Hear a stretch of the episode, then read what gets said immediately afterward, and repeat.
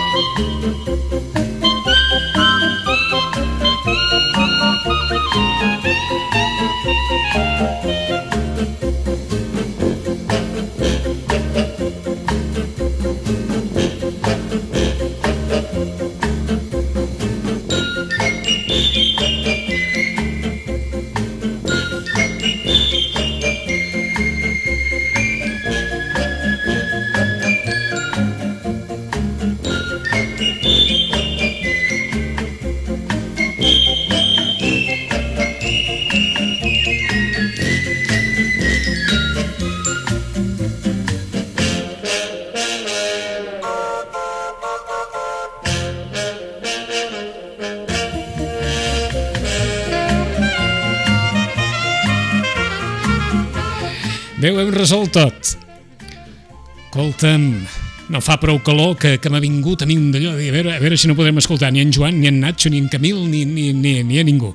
És el temps dels seriòfils, aquest temps dels seriòfils que, que el faran a través del, del mit de Google els nostres tres seriòfils particulars amb totes, totes, totes les novetats que val la pena considerar en aquest temps de pandèmia en què les sèries van, van amb inflació, amb inflació i sense contenir. Joan, bon dia, bona hora. Bon dia, Vicent, de nou. Camil, bon dia. Nacho, bon dia. Bon dia. Hola, molt bon dia. Vosaltres mateixos, el temps és vostre i escoltant-vos i escoltant, òbviament, les novetats que ens presenten en el temps dels seriòfils. Joan.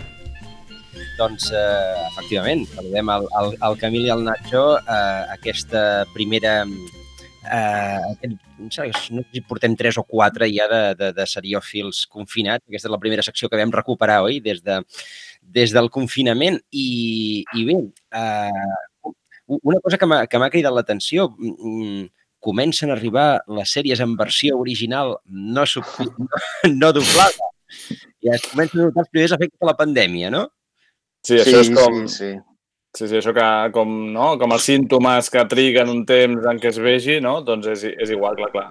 La, diguéssim, tota la indústria del doblatge s'ha vist uh, afectada i ara és quan comencem a notar que moltes sèries de les que estrenen, perquè això no para, la roda no para, doncs venen amb subtítols, però no, no les podem sentir per qui li agradi, no, no les pot sentir en, en, en castellà, en aquest cas. Uh -huh. De fet, Netflix ha fet, fa un esforç important per doblar-les.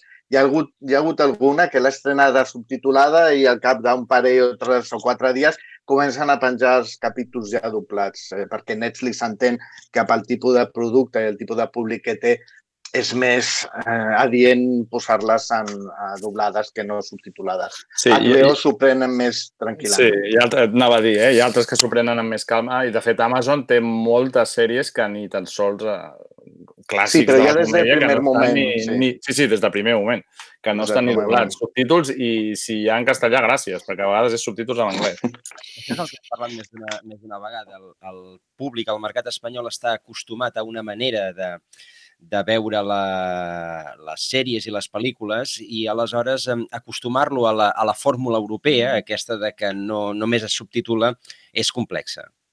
Sí, i a més a més, avui en dia eh, penso que va sortir un estudi que la gent que consumeix televisió i sobretot que consumeix sèries no solament està prenent, eh, prestant atenció a la pantalla de la tele, sinó que està amb el mòbil, amb la tablet, amb l'ordinador. Llavors, si tu tens que fixar-se solament amb la tele perquè estàs llegint, no pots eh, utilitzar aquestes altres eh, eines i no pots xatejar o no pots anar comentant la sèrie amb No pots anar tuitejant, carregant el capítol que estàs veient en aquell moment, no? Això mateix, això mateix. Bueno, Perquè no sé si, si serà una qüestió generacional, eh? això no ho sé. No sé si, la, si els, els teenagers d'ara eh, ja s'han acostumat a veure les sèries en, en versió original o, o encara arrosseguem tot el, aquest costum no? de, de, de les sèries doblades. Això no, s'hauria de mirar. Si hagués Bueno. durat més la pandèmia i la impossibilitat de doblar, doncs ho sabríem més fàcil. Faríem, oi? Escolteu, Sortiran estudis. us sembla que, que anem a repassar aquestes sis Vinga. estrenes que ens presenteu? A més a més, mm, una, una novetat, em sembla que és la primera vegada en aquesta secció que totes les estrenes són estrenes absolutes, és a dir, tots són primeres temporades. Primeres temporades, això Per mateix. tant, doncs, eh, tot és per començar de nou. I la primera és aquesta. Nunca nos sucedió algo así. Era fácil con Kate.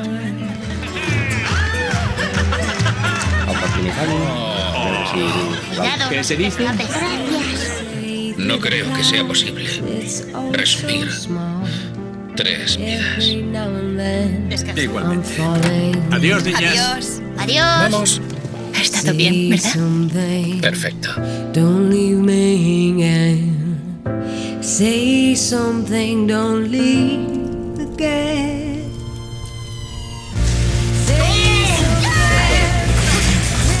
El, el que estem escoltant és El Incendio, la primera de les sèries. Joan, Camil, Nacho, vosaltres mateixos. Molt bé. No, és que, si, és que si no us apunto així, no sé si escolteu el retorn de la sèrie i, per tant, eh, parleu per parlar. No, I- no el sentim, no el sentim. Ah, no, no, doncs val, val la pena fer-ho així. Estàvem escoltant l'incendio vosaltres mateixos. Vale. Doncs eh, El Incendio, la primera de les propostes que, que ens la porta Filmin, oi? Sí, de fet, ja, ja ha arribat a Filmin, es va estrenar el dia 19 d'aquest mes. 19. Uh -huh. Exacte, i és una minissèrie britànica eh, on, eh, amb una comunitat, eh, diguéssim, idíl·lica i tranquil·la, escocesa, amb un metge de família la seva família, tots, tots d'aquests de, postal, doncs, arran d'un incendi, eh, bueno, es comencen a descobrir eh, on mora pràcticament tota la família del protagonista, la dona fills. Uh -huh. Exacte. Es comença a veure que, doncs, això, de, darrere de tota aquesta façana idíl·lica, doncs, hi ha, hi ha molt més del que, del que un veu a primera vista, no? Del que sembla, sí. És una minissèrie, en un principi no tindrà continuïtat, són quatre capítols de 45 minuts i, bueno, doncs, eh, ja és una sèrie de les més valorades, segons la crítica, de les que s'han estrenat fins ara aquest any. O sigui que pinta molt bé.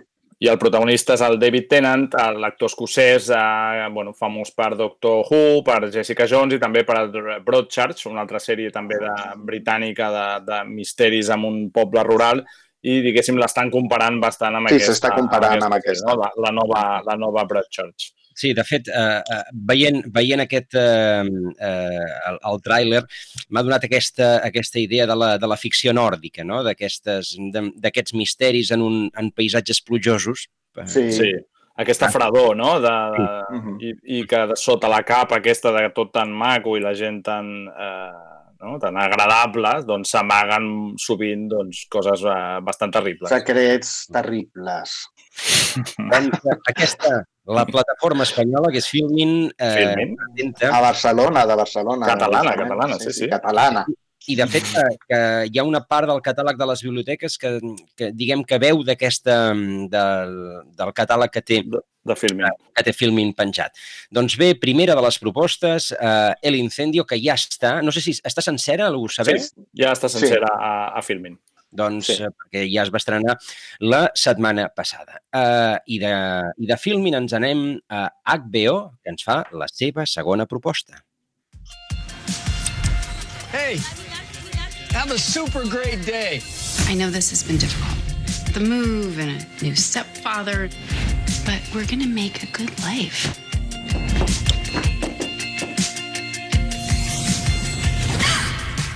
What is this thing? It's called the Cosmic Staff.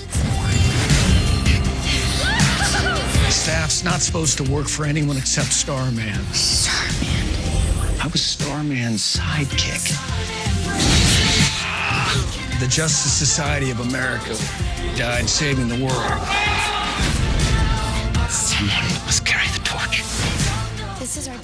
I els, els adolescents, que són el públic objectiu de, de, molta, de molta gent. Stargirl, Stargirl, sí. Eh, En aquest cas d'HBO, no? que potser HBO. és la- l'streaming que menys estava enfocat potser a aquest públic, però que crec que està començant a, no? a intentar recuperar les- l'espai perdut i estrena aquesta, aquesta història no? d'un- d'una noia eh, que va a un poble, es muda a un poble d'aquests de nord-americans, descobreix una espècie de bastó màgic i es converteix en una, una superheroïna. Una superheroïna, sí. Una mica Dins de l'univers de, DC. exacte, de l'univers DC, no? Una mica en la, la línia aquestes de Smallville o Arrow o de Flash, no? On hi ha les trames aquestes de superherois i després doncs, les trames més d'adolescents, els, els amors... Pares, fills, amors, instituts, eh, coses aquestes que li passa al jovent. Sí, sí anava a dir... Ara, ara podríem posar la categoria de prescindibles, però no cal, oi? Mm, va sortir no gaire un estudi que deia que des de, els que van néixer a partir de 1975 eren menys intel·ligents que els que havien nascut abans, doncs potser aquesta sèrie va dirigida cap a aquest tipus de gent. Ai, Nacho, Sense- això, sense- és cruel, això, eh? Has vingut fora, eh? És el confinament, és el confinament. Bueno, és una sèrie que, que no? veus el tràiler i dius, ja l'he vist, Sí. sí. més d'una vegada, però té el seu públic i en aquest cas, doncs això, HBO, doncs, públic adolescent, a veure, a veure què, què pot pescar. Doncs eh, ja que el Nacho ha volgut cremar-se, continuem amb el foc. Un contra de l'incendi, després una declaració catastròfica i després aquesta. I have always had the best intentions. Someone burned down your house with you inside.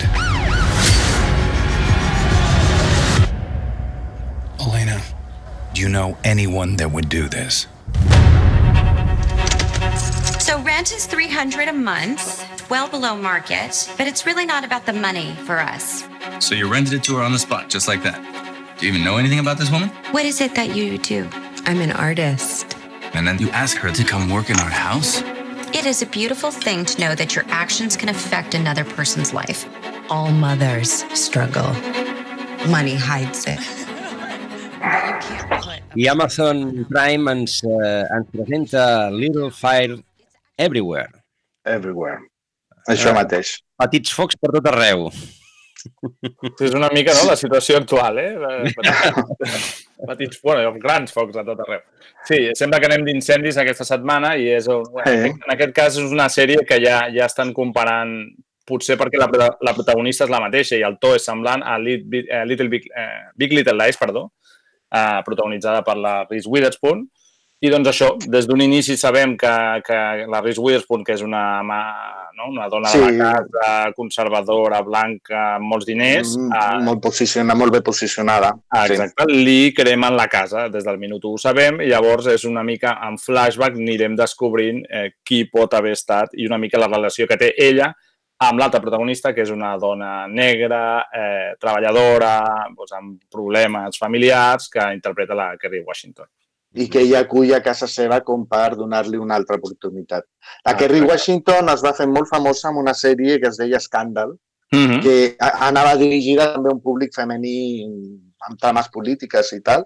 O sigui que hi ha un dol d'actrius aquí important. Sí, important. És un, no? un duel entre dues grans actrius mateix. I amb, un, amb una sèrie que, diguéssim, l'aborda des d'un punt de vista del thriller o del misteri, però on també doncs, es tracten d'això, doncs, conflictes eh, tant racials com de classe com generacionals. Vull dir, és una sèrie així eh, ambiciosa i amb, amb bastanta bona pinta. Vull dir, aquí a Amazon Prime jo crec que no, ha, ha volgut doncs, eh, apostar per la, per la qualitat i, i tenim a Reese Witherspoon a tot arreu, que està a les sèries d'Apple, Sí, de darrerament Amazon, està, està HBO... tot arreu fent, fent televisió, fent El, sèries. anava a dir, últimament els, eh, els actors coneguts fan més sèries que pel·lis gairebé. Bueno, és que també la ficció televisiva és bastant millor actualment, penso en general, que la ficció cinematogràfica. Bueno, de fet, la ficció cinematogràfica eh, ja està apostant per tàctiques televisives, diguéssim, a tot el que Marvel, vaja, Marvel sí, és una gran són com sèrie. capítols. Exacte, són sèrie- cap- pel·lis que més o menys són autoconclusives, però que hi ha una trama que es desenvolupa al llarg de, de moltes pel·lícules. I també és veritat que amb la quantitat de sèries que es produeixen actualment per totes les plataformes, hi ha molts, es fan moltes més sèries que no pas pel·lícules. No? Llavors, els sectors i els professionals del sector doncs, tenen, tenen més possibilitats de, de treballar a televisió que no pas potser al cine.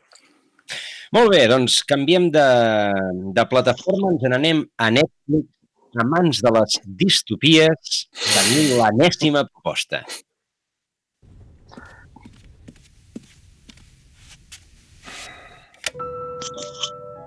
Attention all passengers. Wilford Industries wishes you good morning. Mr. Wilford would like to address the rumors of disturbances in the tail. Let me assure you, your security is our highest priority. Order will be restored. Seven years ago, the world ended. Now the train is all that's left. First, the weather changed. In the final days of the freeze, the rich retreated to Narc.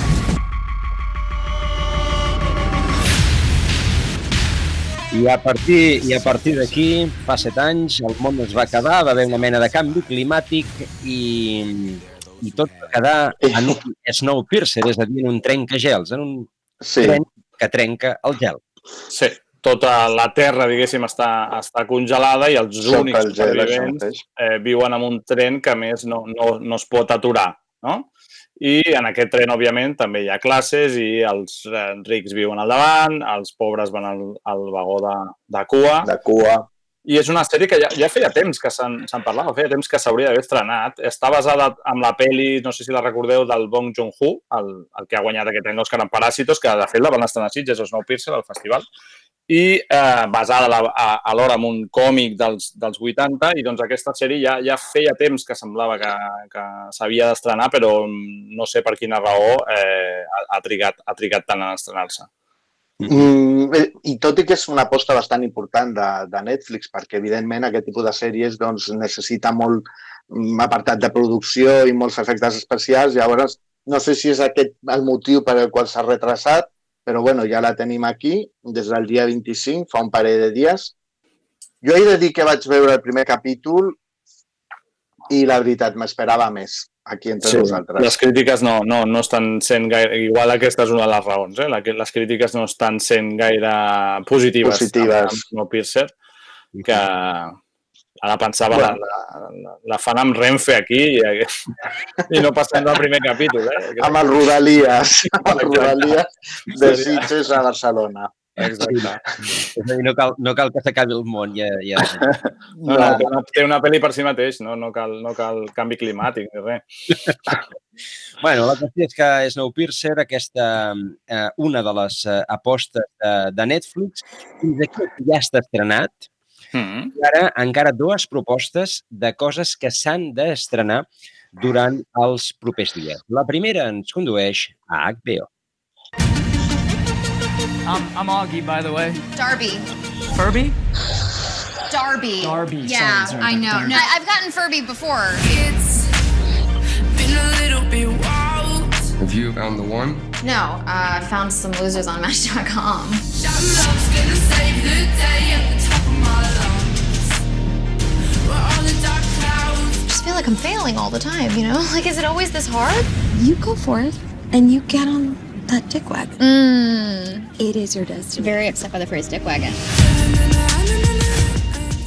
Ja, I need a boyfriend right now. és una de les propostes que més m'ha cridat l'atenció, de les que ens feu aquesta, aquesta setmana, uh, Love Live, uh, com està plantejat, no? Totes, totes les històries de- d'amor d'una d'una persona, d'una noia. Sí, Concebit- l'Anna Kendrick. Uh -huh. Una altra, Bueno, aquest- estrella, una altra estrella de Hollywood que està fent Sí. moltes Però sèries. sembla que en, en aquest cas eh, ella forma part de la producció o inclús ha dirigit alguna o alguna cosa d'aquestes. Ara no, no tinc, no recordo ben bé, però penso que ha format part també de, de pos- la posada en marxa almenys de la sèrie. Sí, sí, fa uns mesos estrenaven eh, Modern Love Amazon, que era una mica eh, històries d'amor capitulars, no? eh, com originals o, o divertides o, o emocionants. Doncs en aquest cas eh, és això el que, el que has comentat. És la història, eh, la biografia, podríem dir, romàntica de, de la noia protagonista. En cada capítol eh, ens explicarà una de les històries d'amor de la seva vida fins a arribar a la que se suposa que és la, la, la Definitiva. la definitiva. Una sèrie doncs, que juga amb tots els, amb tots els elements de, no? de la comèdia romàntica, ja hem sentit la música, ja, ja, ja ens imaginem per on, per on anirà, però que bueno, amb la HBO i amb Anna Kendrick de protagonista i a Nova I York... a Nova York i Exacte. tot molt maco i molt bonic, doncs, doncs estarà, serà molt agradable de veure-la. De veure El que passa que, bueno, tot, està molt bé, però tot té un regust a coses que ja hem vist altres vegades. Però, bueno, un altre cop veure coses maques no està malament. Bueno, doncs eh, avui, avui Nacho té un punt negatiu, eh? Té un punt, el confinament, oi? És el confinament, és el confinament. Sí, sí, ha vingut aquí amb l'espasa ben No, esmolada. la veritat és que de les estrenes sempre hi ha coses destacables i potser en aquest cop, aquesta quincena, per motius personals, de, de gust personal, no acabo de trobar ninguna que em cridi. Potser de la que parlarem ara és potser Sí. la que penso que, Jo que té més, té més interès. Perquè, bàsicament, mmm, com, a mi, com a mínim, vist el tràiler, crida la... Sí. Després et pots trobar amb sorpreses i, i pot ser, perquè això és una comèdia i les comèdies sempre, segons com estiguin fets els gags, però com a mínim, mira, veure els americans en riure amb ells mateixos té un punt. Netflix ens presenta això. When I was a child, our country put a man on the moon. We're going back.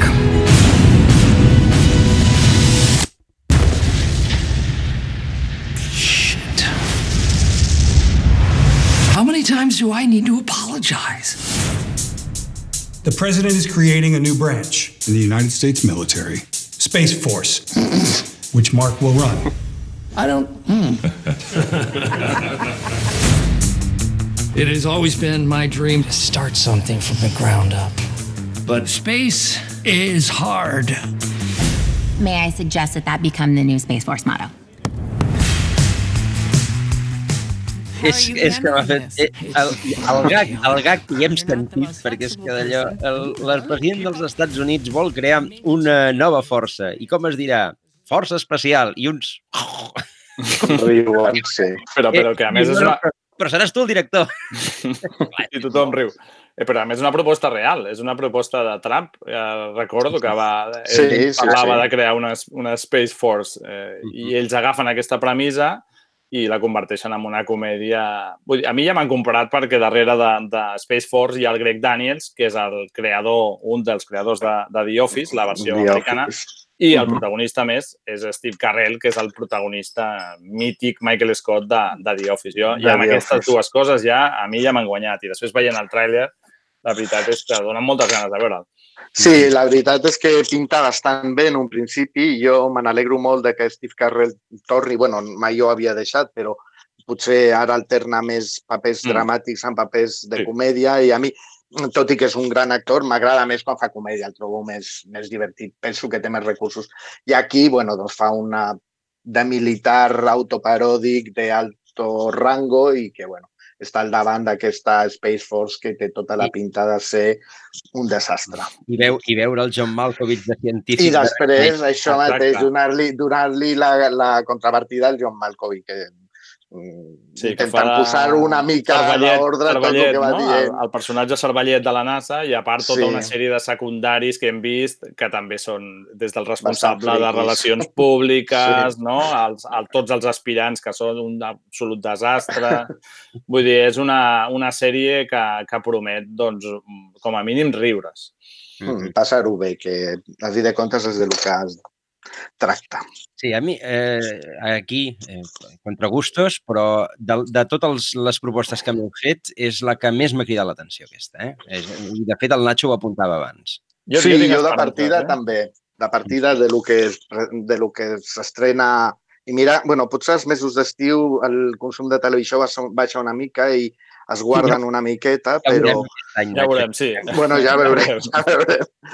Eh, però la veritat és que les escenes d'aquesta quincena, mm, personalment, em costa trobar... La de Snowpiercer em feia gràcia, ja vaig veure el primer capítol i vaig dir, ai, i a veure si aquesta de, aquesta de l'Space Force eh, doncs, eh, recuperem una mica l'entusiasme per les Sí, sèries. s'estrena aquest divendres i Netflix penjarà tots els... estarà tota la primera temporada disponible a partir d'aquest divendres. Eh, són molts capítols? Ho, ho heu mirat?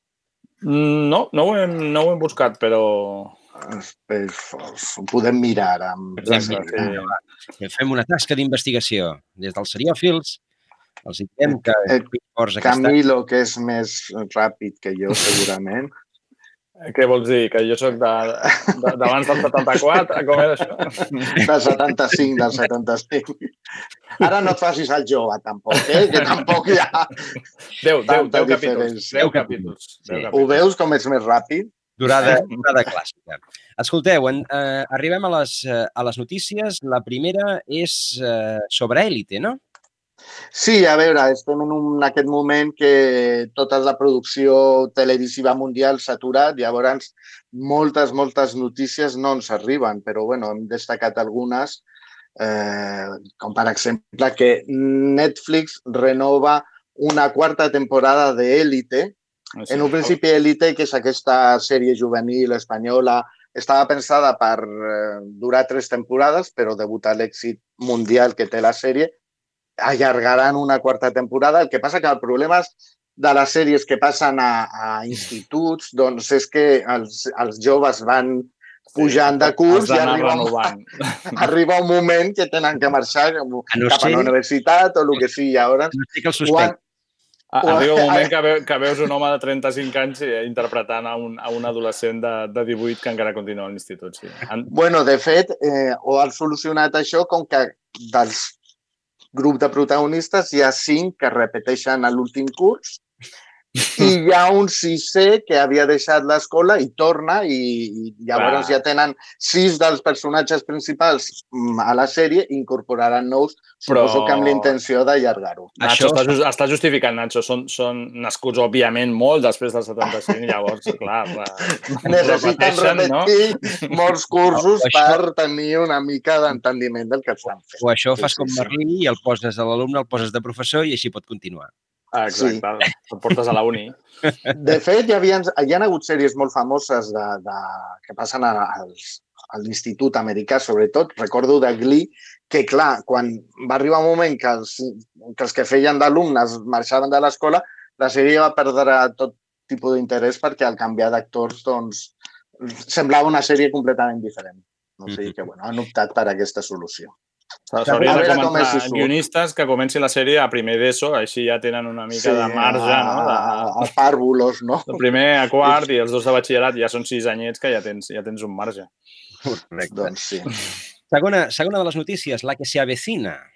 Sí, bueno, La que s'avecina és una sèrie, bueno, tothom ho sap aquí, una sèrie mítica de, de Mediaset, de Telecinco, i mm, eh, Mediaset ha arribat a un acord bastant important amb Amazon Prime. De, de fet, hi ha sèries que s'estan passant a, totes, a la plataforma i a, i a la cadena televisiva. Llavors, sem- sembla ser que ja han aprofundit més en aquest acord i La que s'avecina s'estrenarà la següent temporada, que si no recordo és la tretzena o alguna així, Sí. a Amazon Prime i no arribarà a Telecinco fins d'aquí cinc mesos com a mínim. O sigui que primer es veurà a la plataforma d'Amazon i després passarà a, en obert a Telecinco. I aquesta col·laboració és una cosa que estem veient cada cop més aquí a, a, Espanya. No? Ja havíem vist el tema Antena 3, Netflix, La Casa de Papel, Sí. ho estem veient ara amb el Ministeri del Tiempo, a Televisió Espanyola i HBO, i doncs ara a, a la que s'avecina de Mediaset amb Amazon Prime. I és una cosa que crec que cada cop eh, cada cop veurem més. Això de veure sèries abans a les plataformes de streaming i després a la, a la, El televisió està oberta. clar, el que està clar és que la televisió, la manera de veure ficció a televisió, Sí. ja no parlo de programes, està canviant i, i és, la revolució és imparable i, a més a més, a marxes forçades. O sigui que, mm, bueno, aquest tipus de solucions segurament, mm, com deia el Camilo, les veurem i encara veurem més sinergies entre grups. Crida l'atenció sèries que en principi estan, for, estan pensades pel, pel format de, de vespre d'una televisió Mm. generalista. Sí, I cada totalment, cop sí, sí. eh, van, van a parar també a les plataformes. És curiós. Sí, sí, és curiós. No, no, no veig a la que s'avecina com una típica sèrie de binge-watching, no? De, "Ai, ara m'ha sobre i veuré tota la temporada de s'avecina, no? És, és, sí que és veritat, no?, que està com molt lligada a un tipus de, de no? això, el, pues el prime time, la mitjoreta, el vespre, eh, però bueno, és el que, com deia el Nacho, els temps, eh, i Bob Dylan, no?, els temps estan canviant i ens haurem d'acostumar. Doncs, I de fet, eh, ja per acabar amb aquest tema, eh, aquí a Espanya teníem aquesta manera de fer televisió de que els programes de nit, eh, els capítols eren llar- llarguíssims, Sí. que era un dels problemes que hi havia a l'hora Sí. de comercialitzar-los fora d'Espanya. No? Llavors, a veure com ho adapten o com, com fan per... No, o potser no adapten, ho deixen tal com està, que segurament serà així. I d'aguantar fins al final una sèrie espanyola. Era, era, era inhumà perquè, clar, les allargaven. Sí. I no era culpa dels guionistes, perquè els guionistes eren els primers conscients de dir, no, si això ha de durar tant, però clar, quan la cadena et diu, no, això serà prime time i ara no sé quants anuncis i això ha d'acabar a no sé Sí, quina és que hora... és això, entre el que durava el capítol i els anuncis, t'anaves a dues hores i pico per, per veure un capítol, sí. En Però això bueno. crec que la, la ficció, diguéssim, ha, ha sortit guanyant i ho estem veient ja, les sèries que ja s'estan fent aquí i que s'estan tenen veient a tot una el món. durada, Sí, Mhm. i una durada més, més comercial. Doncs la, la tercera notícia li posarem els crèdits primer. Vinga.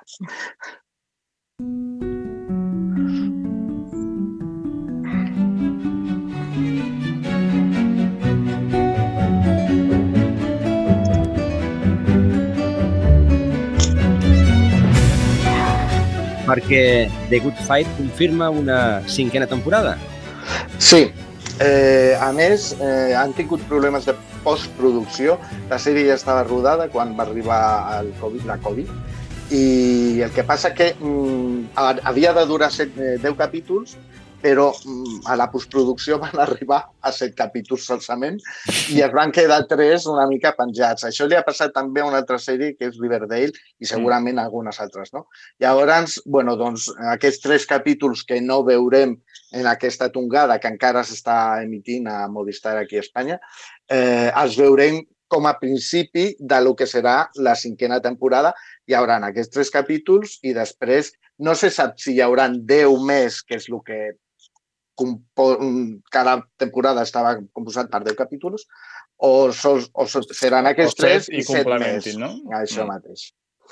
I bueno, mm, penso que és una molt bona notícia. Mm, De fet, en els rànquings que ja estan sortint de les millors sèries que portem de l'any, eh, la quarta temporada de Good Fight estava, sortia en uns dels sí. puestos més elevats en general. O sigui no, he que vist, no he vist Valeria notícia. aquí, m'ha estranyat molt que no he vist Valeria en aquest... En, en Jo en algun, rànquings. en algun rànquing sí que l'he vist, però bueno, deixem... És que- Vaig intentar començar l'altre dia, perdó, però és que no... no Jo vaig veure un capítol i mig. Mm, bueno, bueno d'acord. Doncs The Good Fight tindrà una cinquena temporada i ja també aprofito que he parlat de Riverdale, que és una d'aquestes sèries que port, mm. penso que porta 17 temporades o alguna així. Eh, hi haurà una 18ena recuperant els capítols que aquesta temporada no han pogut emet, emetre per problemes de producció, de postproducció. Doncs eh, ara parlarem de sèries que han, que han estat precedides per pel·lícules. Per tant, els talls que escoltarem a continuació són de films, de pel·lícules. Aquest és el... Això mateix. Has dicho que me estabas esperando. Bien. ¿Qué vas a hacer? ¿Matarme? ¿Beberte mi sangre y todo eso? Sí. Pero ahora no debes preocuparte por eso. Tú crees realmente que eres un vampiro, ¿verdad? La entrevista con un vampiro.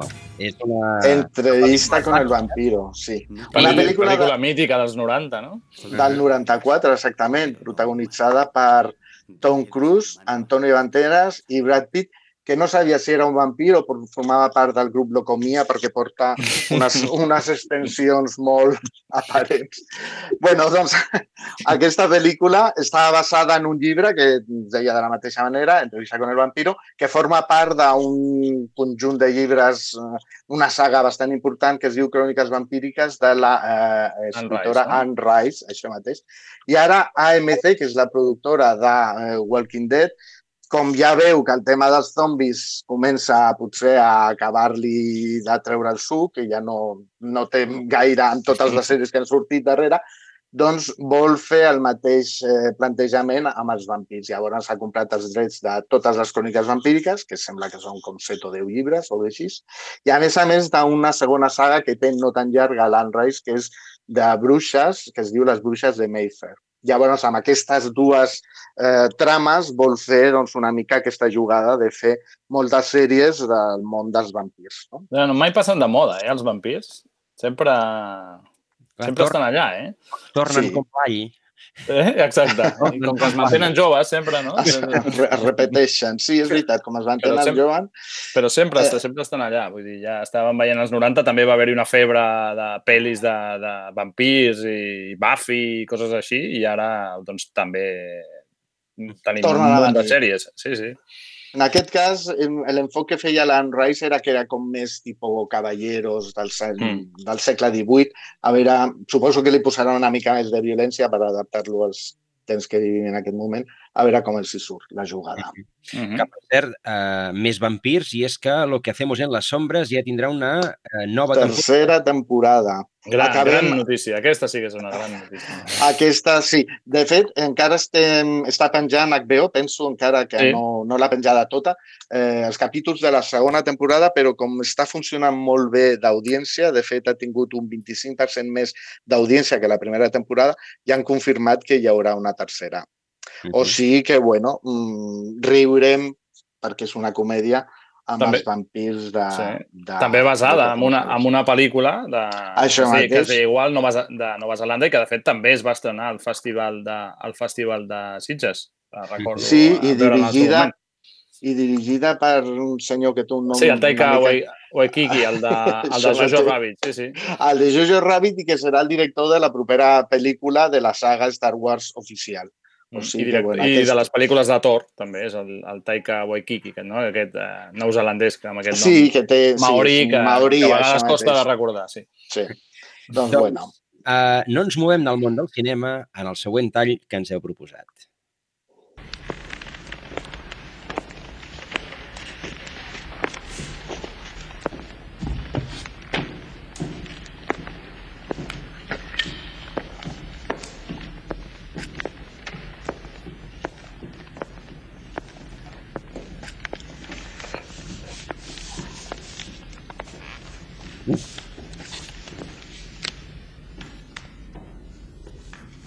Noches, Clarice. He pensado que le gustaría tener sus dibujos. Hasta que tenga una ventana. Qué delicadeza. O la envía Jack Crawford como único intento antes de que les echen a los dos del caso. No, he venido porque he querido. Causa entre los corderos entre el doctor Aníbal Lecter i Clarice Sterling. això mateix. Un, una altra de les pel·lis mítiques, penso que aquesta és encara més antiga, dels 80, El silencio de los corderos, amb Peliculón. el peliculón, amb el psicòpat eh, per excel·lència dels darrers anys, que és el Hannibal Lecter. Que Doncs també bé, va donar, perdona Nacho, que va donar pas a una sèrie, que també... Sí, va tenir sèrie, està pròpia fa uns anys, que està bastant bé, és una sèrie bastant violenta i està Mm. molt bé. Doncs, bueno, ara la CBS, que ara comentarem, ha anunciat eh, un seguit important de, de posada en marxa de, de, de rodatges de sèries. Doncs un d'aquests serà una sèrie que es dirà Clarice i la protagonista serà la Clarice Starling, o sigui, serà agafar l'univers del Silencio de los Corderos des del punt de vista d'aquesta noia que en un principi estava estudiant a l'acadèmia de l'FBI Mhm. i mm, mm, per la que el Hannibal Lecter sent, sent un tipus d'atracció i aprofitant aquest motiu la fiquen allà a investigar aquest cas. Doncs, eh, la sèrie es situa sis mesos després de lo que seria la pel·lícula i ja han durat llur verda perquè comenci el rodatge. O sigui que l'any que ve la tindrem segurament a les pantalles si el Covid ho permet. responsabilitat, eh? Vull dir, perquè, clar, fer una sèrie arran d'una pel·lícula com aquesta, que és una pel·lícula... Ja la vaig veure fa poc i, i, i em va em va sorprendre el bé que ha envellit i, i, i que em va agradar igual o més que la primera vegada que, que la vaig veure. Vull dir, és un- una de les La grans pel·lícules està, dels la, darrers anys. la sèrie està molt bé i, evidentment, està eh, sustentada per dues actuacions monumentals, eh, Mm. en aquest cas eh, l'Anthony Hopkins i la Jodie Foster, i bueno, doncs, a partir d'aquí, vull dir, va ser un thriller que va canviar una miqueta la manera de enfocar els thrillers a partir d'aquell moment, no? A veure com els hi surt, esperem que els hi surti bé, perquè, bueno, mm, jo personalment, que m'agrada el thriller, doncs trobo que és una bona notícia. Hannibal, la sèrie basada en el psicòpata, en el Hannibal Lecter, ja em va agradar, a veure si aquesta també està a l'alçada. Entenc que la Jodie Foster no serà, no serà de... O sigui, passa sis mesos després, però entenc que la Jodie Foster no serà de prota. Ja era una mica gran per fer aquell paper. Ara, no, han agafat una actriu que no recordo qui és, però és una d'aquestes noies molt guapes de sèries que surten ara. Rebecca ara no- Bridge es diu, no? No és una, no és una actriu coneguda. Rebecca Bridge. No és molt coneguda, però havia sortit a sèries, no sé si a Gossip Girl o alguna cosa d'aquestes. Mm, bueno, doncs l'han agafada, que amb ella. A veure com els hi surt. I comentava el Nacho que CBS dona llum verda a una pila de sèries, no? Sí, és una, és una notícia que ha agafat eh, una mica en el món audiovisual. Mm, Ha sobtat una mica perquè, bueno, encara, sobretot als Estats Units, encara està tot molt aturat pel tema del Covid, i més a Califòrnia, on, on es roden la majoria d'aquestes sèries, doncs eh, encara el tema no, bueno, que no està clar com sortirà tot, doncs CBS ha agafat i ha donat llum verda a un fotiment de sèries, sobretot eh, els seus grans èxits, com poden ser Mom o el Joven Sheldon, Blue Bloods, eh, una nova versió del MacGyver, que també Sí. s'ha de tenir ganes de fer una nova versió del I MacGyver. de, I de Magnum. De Magnum seria, penso, Sí. que la segona o la tercera temporada. Sí, perquè que és ja- hispà, ja- és, el protagonista sí, és és hispà. com latino, sí, una Sí. coseta. Els hombres de Harrison, por I favor. eh? I totes les de NSIS, no? Les de... CNSIS d'aquestes que està, la original està protagonitzada per el Mark Hammond i sembla que és jo penso que he vist algun capítol, no, no gaire, que és com una investigació policial però dins del món de militar. Sí, dels cosa Navy, així, no? dels Navy, dels Navy SEAL, sí, sí.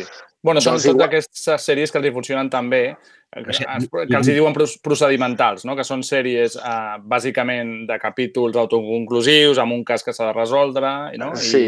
I que pots anar allargant i allargant i allargant, i que crec que entre el públic pre-anys 75, doncs encara la televisió encara els hi funciona, encara els hi funciona molt bé, aquests procedimentals. I a més a més han fet una mica com el CSI, que era doncs, a diverses ciutats doncs, amb Exacte, el franquícia, l'han- l'han- franquiciat. L'han franquiciat, i a Los Angeles, Nova Orleans, no sé què.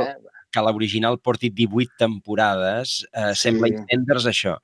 Mira, és... Bueno, no, si funciona molt bé. I, de fet, en alguna altra sèrie, en Big Bang Theory, hi ha un moment que la noia aquesta de la Roseta li contracten per fer un paper en aquesta sèrie. O sigui, que és d'aquell- és d'aquelles sèries que es referencien unes a les altres. No, i a més pots Així començar a veure la, a la temporada 18 i el segon capítol ja més o menys Ja ja, saps ja, ja l'has hi ha, pillat. sí. No cal que et vegis totes les, les, les sèries anteriors.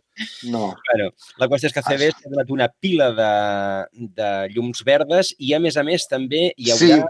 univers Trekkie per aquí enmig. Sí, i a més, dins d'aquest paquet de, de rodatges nous que ha anunciat, un dels que també ha cridat bastant l'atenció és una nova sèrie basada en l'univers Star Trek, que es diurà, eh, es diurà Star Trek Strange New Worlds, és la meva pronunciació americana està molt bé, eh, que agafa dos, tres dels personatges de eh, Star Trek, eh, no me'n recordo quin era, Enter, sí. bueno, el- Enterprise o el- nova generació?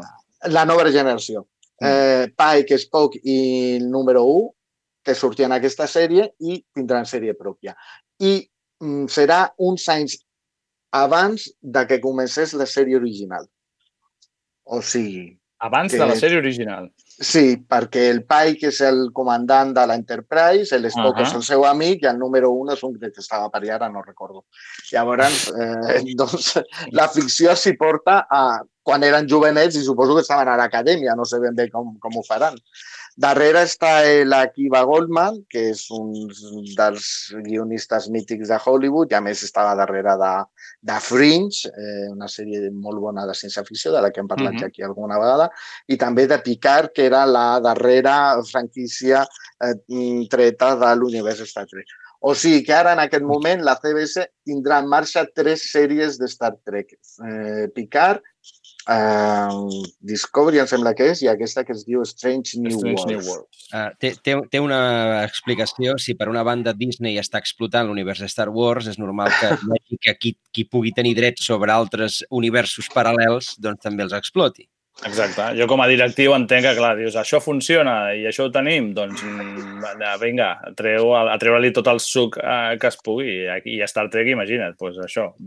Sí, però al final passa- poden passa una moment mica- a que vulguin. Fa, passa el de sempre, barreges pel·lícules, barreges conceptes, ja Ah, no saps sí. si estàs veient un Voyage o no sé què, si és abans de l'Enterprise, és després, mm, però bueno, Sí, igual. però a ells mentre les vegis no, això no els importa. Sí, no, no, tu seus allà, jo sempre dic el mateix, jo veig una pantalla amb un univers i una nau per allà voltant i ja, ja estic, en- estic entretingut. Doncs suposo que és aquesta mentalitat. De quin any parlem, Nacho? Ai, millor no t'ho dic, millor no t'ho dic. Escolteu, no, no tindrem temps de fer suggeriments, però sí que tenim temps de, de repassar el que vosaltres ens plantegeu com a la sèrie de la que tothom parla i que ha cridat molt l'atenció en el món de l'esport. És aquesta. Can the Bulls keep this team together? Is there any doubt that Michael will come back next Finally, season? questions about the future of Phil Jackson. Will this be his last How year? will the Bulls ownership deal with their aging process stars? of becoming something transcendent, you can see it evaporating.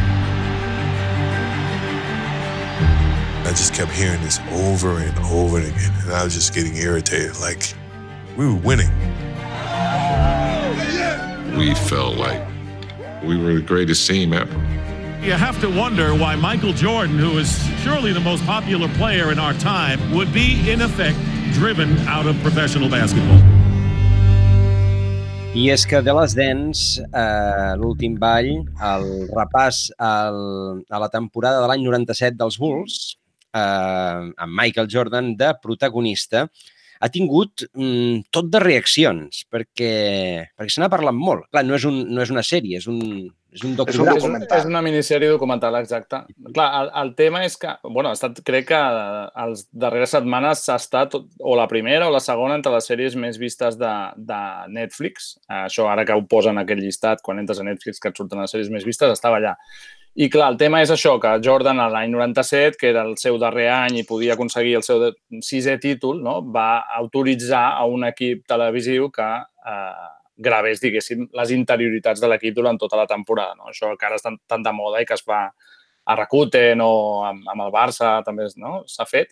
El tema és que això, Jordan va dir que després de tot va dir que no volia que, que sortís, que, que això sortís, i anys després, imagina't, quasi 20 anys després, quan veu que, diguéssim, les noves generacions de fans no, no el tenien tan present i que l'Ebron James era l'ídol i havia guanyat no sé quants títols, va dir, doncs aquest, eh, ara és el moment de treure tot això. I és una mica el que comentaves, no? La història del darrer any de Michael Jordan és l'excusa, en realitat, per ensenyar-te una mica eh, doncs, la història de Michael Jordan i la història d'aquests Bulls mítics dels anys 90. Mhm. El que passa és que eh, molta gent ha criticat a, Jordan per posar coses, amagar-ne d'altres o dir coses que no eren co- correctes o hi ha hagut molt espès i clar al darrere mm, d'aquesta sèrie que en el fons sí que és cert que, que ens mostra les interioritats, aqu aquelles curiositats o aquell, aquell ànim tafaner que podem tenir tots sobre com funcionava un gran equip de, de bàsquet. Sí, eh, jo de fet crec que la sèrie sí que és veritat, és una, és, no diria que és el seu punt de vista, però sí que ell té un predomini en el discurs i és veritat que a vegades és una mica... No, no és que sigui, doni dades falses, sinó és com ell ho va viure. Però també entenc que hi ha molts altres testimonis, mo- moltes vegades mm, que no estan gaire, gaire no, que no són gaire de la seva corda.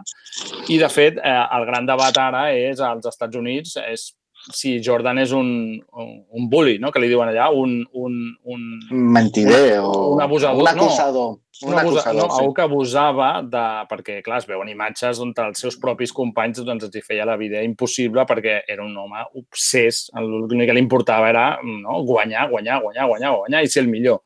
I llavors, si això requeria de mètodes de això, insultar algú, eh, fer-li la vida impossible a algú, doncs ho feia perquè és la seva manera que, que té de guanyar. I jo crec que ell no se n'amaga d'això. Vull dir, i de fet se'l veu com, a vegades hi ha, hi ha un, un dels capítols que a mi, el setè, que és el que més m'agrada, on li veus una mica de, de, de dir que es planteja, no? De dir, hòstia, ha valgut la pena això o no ha valgut la pena això?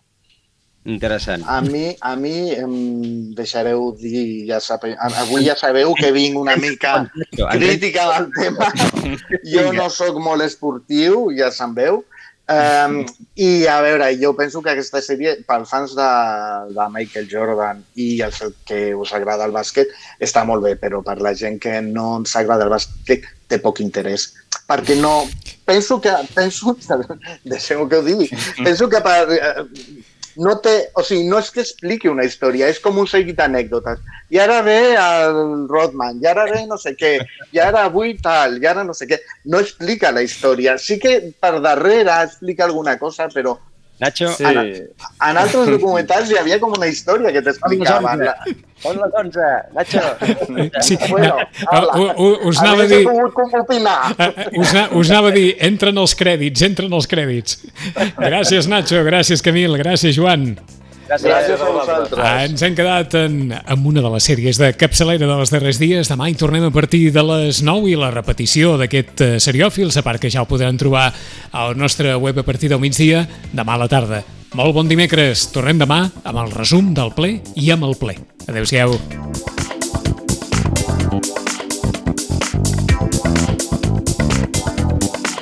A Ràdio Maricel, cada dia, al matí amb nosaltres.